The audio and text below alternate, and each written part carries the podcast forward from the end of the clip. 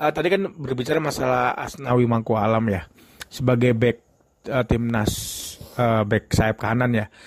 Uh, penyakit kita itu menurut gue itu adalah bahwa uh, kalau misalkan kayak Asnawi Mangku Alam itu dia terlalu dianakmaskan oleh Sintayong. Sehingga dia tidak memiliki uh, apa partner ataupun pesaing di posisinya. Sehingga dia tidak ada perkembangan kan namanya orang sudah ada di zona nyaman dia main uh, bagus dia dimainin uh. ya syukur nggak dimainin ya ya udah kayak gitu. Jadi nggak ada pesaingnya mungkin di posisinya saat ini sehingga motivasi dia untuk mempertahankan posisi dia di starting line up jadinya ya berkurang. Pastinya dia akan menjadi pemain.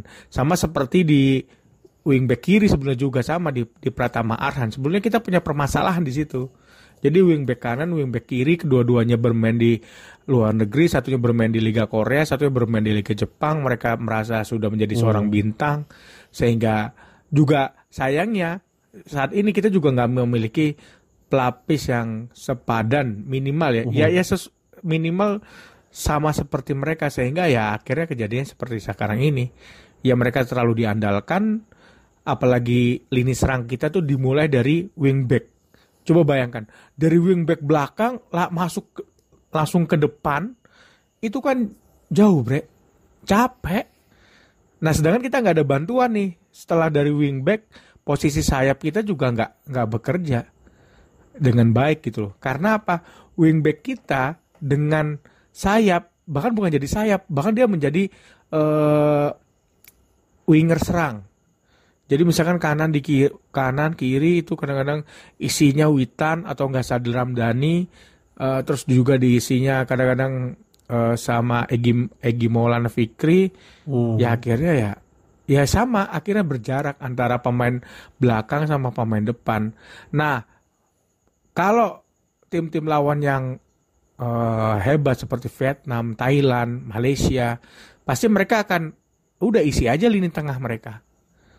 Buktinya kayak kemarin waktu pas kita lawan Thailand dengan 10 pemain, buktinya mereka bisa akhirnya bisa membobolin kita kan. Nah itu salah satunya. Ya isi aja lini tengahnya. Abis itu buat Indonesia tuh nggak bisa ngoper dari back ke tengah. Sedangkan tengahnya juga nggak berani hmm. megang bola. Jadi nggak ada tuh pemain di saat dari belakang dari Jordi Amat ataupun dari uh, apa si Fahrudin ke tengah oh, ke uh, biasanya ke Irianto ataupun ke hmm. satu lagi si Mark Locke ya pasti akan dioper lagi. Akhirnya nggak akan bisa ke Ah, nggak akan bisa ke, maju ke depan karena kita nggak punya lini serang uh-huh. yang sebagus itu apalagi ya, tadi di akhir-akhir kita mau nyerang coba yang dimasukin uh, Muhammad Rafli uh-huh. Muhammad Rafli sama Spasoyevic yeah. Muhammad Rafli aduh uh-huh. kayaknya harus ini dulu harus diet dulu kayaknya jadi kalau tahu nggak kayak dulu zamannya fans uh, Bokereng uh, iya Bo Bokereng dulu Tau nggak? Zamannya Bok Bokeren tuh zamannya Irfan Bahdim kalau nggak salah. Yang sekarang katanya jadi satpam di ini. Satpam di mana namanya? Di salah satu klub gitu. Nah itu gendutnya kayak gitu, gitu. Itu pemain timnas yang bisa lari.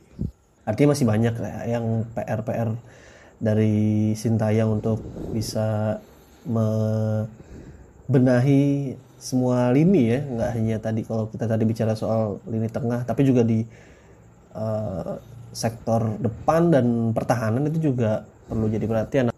Uh, jadi gimana kalau untuk melihat uh, apa yang harus menjadi catatan untuk uh, Sintayong untuk ya ini menghadapi Piala Dunia U20 dan Piala Asia nanti di 2023 ini gitu.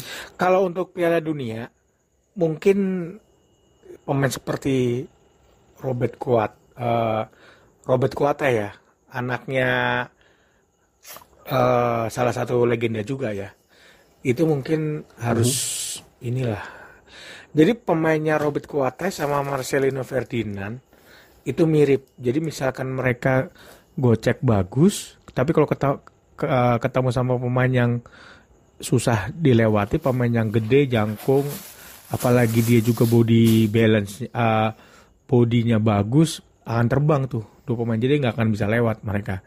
Nah kita sampai saat ini belum memiliki lini tengah yang yang bagus ya. Tapi yang Hmm. butuh kita lihat eh, komposisi saat ini sebetulnya kalau kita bisa cermati bahwa eh, pemain-pemain yang nanti dipersiapkan di Piala Dunia itu ini loh pemain tahu nggak ada program namanya Garuda Selection? Itu yang di bawah Mola ya yang biasa ke Italia. Nah itu Hmm, pemain-pemainnya iya, iya, iya. itu. Itu. Jadi kita bisa Hmm. ingat dulu eranya eh, saat eh, yang udah jadi artis tuh eh, siapa? Yang udah jadi artis pemain bola yang waktu itu eh, kita di Portugal di mana?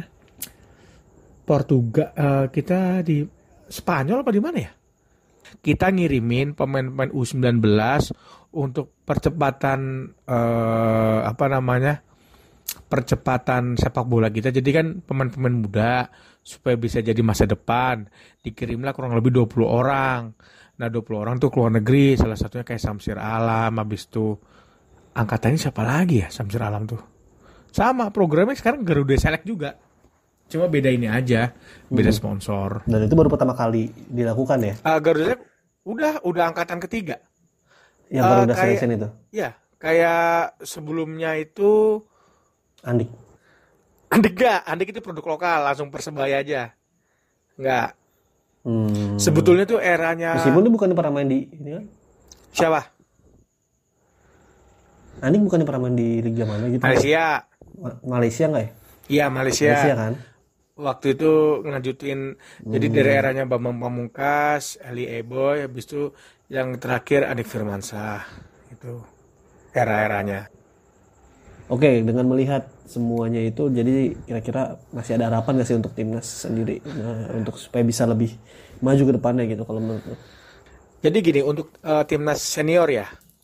Kalau untuk timnas senior mungkin kita jangan eh, selalu berbicara eh, pemain tua lebih baik ataupun lebih buruk ya. Skip dulu ya, skip nih. Eh, kita mungkin kalau berbicara timnas jangan berbicara bahwa eh, dari segi umur. Misalkan kita harus potong generasi ataupun kita harus mengandalkan pemain-pemain muda seperti liga-liga di luar. Kita harus pahami liga kita seperti apa. Ya, yang kita harus tanamkan adalah eh, seperti halnya apa ya eh, persaingan gitu loh. Jadi mau dia usianya tua, usianya muda, kalau misalnya masih bisa bersaing sesuai dengan skema pelatih, yaitu kita ya maju aja. Cuma kita lihat dari beberapa yang yang gue lihat skemanya Sintayong ini kosong di lini tengah. Lini tengah sama lini tengah menyerang ya. Jadi kayak AMF attacking midfielder forward kalau di kita main FM tuh. Nah, jadi Main PES. misalkan ada ya, misalkan ada striker depan satu apa dua. Nah, ada di belakangnya persis. Nah, itu tuh. Itu kita nggak punya tuh. Sebetulnya Kambuaya bisa di situ. Cuma tendangannya juga kurang bagus. Nah, Kamboya di situ, yang di tengahnya nggak ada. Nah, kita nih di tengah nggak ada, tapi yang ada di yang belakangnya lagi. Jadi midfielder kita nggak ada, di, di- DMF kita ada. Nah, Iya. bedanya DMF kita itu kalau pas lagi maju mundurnya lama, kayak gitu. Mhm. Nah, cocoknya misalkan kalau Sintayong kayaknya jadi pelatih fisik kayaknya, Bre. Bukan Hmm. pelatih timnasnya. Iya kan dibilang kan Kayaknya- kemarin kan, oh timnas muntah-muntah lagi latihan kayaknya harusnya jadi pelatih fisik kayaknya. Gitu, bukan Iya, jadi iya, pelatih. iya. Heeh, bukan jadi pelatih. Nah, iya sih dan ya mungkin sebagai penutup apa ya? eh, gue juga melihat permainan timnas ini terkadang justru tidak tenang gitu kalau gue lihat beberapa kali kayak terlalu gampang kepancing emosi dan kayak tadi aja beberapa kali kan kayak hampir mau ribut gitu. Jadi kayak seharusnya hal yang nggak perlu dilakukan itu dihindarin lah jangan sampai itu merugikan timnas hanya karena ya ada yang pemainnya kartu merah atau justru itu mencoreng sportivitas gitu kan. Dan ya kita berharap aja sih semoga di kejuaraan-kejuaraan berikutnya eh, timnas Indonesia atau tim Garuda ini bisa lebih apa perkasa lagi gitu ya. Karena Ya, kita tahu nanti betul. banyak event-event berikutnya di 2023 apalagi nanti 2000, 2024 ada mungkin Olimpiade atau nanti mungkin di 2000 berikutnya AFF lagi ya perlu ini lagi gitu lah semangat juang yang Ya tinggi yang agar ter- tidak terdekat ini bre. Piala Dunia U20 kita apakah hanya menjadi ya. eh, tuan rumah saja, tuan rumah yang ramah, tuan rumah yang hanya mengharapkan roda perekonomian berputar karena banyaknya orang menonton ke Indonesia, ataukah kita ingin menjadi tuan rumah yang sep- yang minimal bisa ngalahin tim-tim ya bukan bukan di level Asia lah mungkin tapi ya memang harus ini ya harus bener-bener eh, apa seperti ini. Sebenarnya kalau kita tuh jangan mengharapkan lah pemain lahir dari kompetisi. Itu mungkin bisa.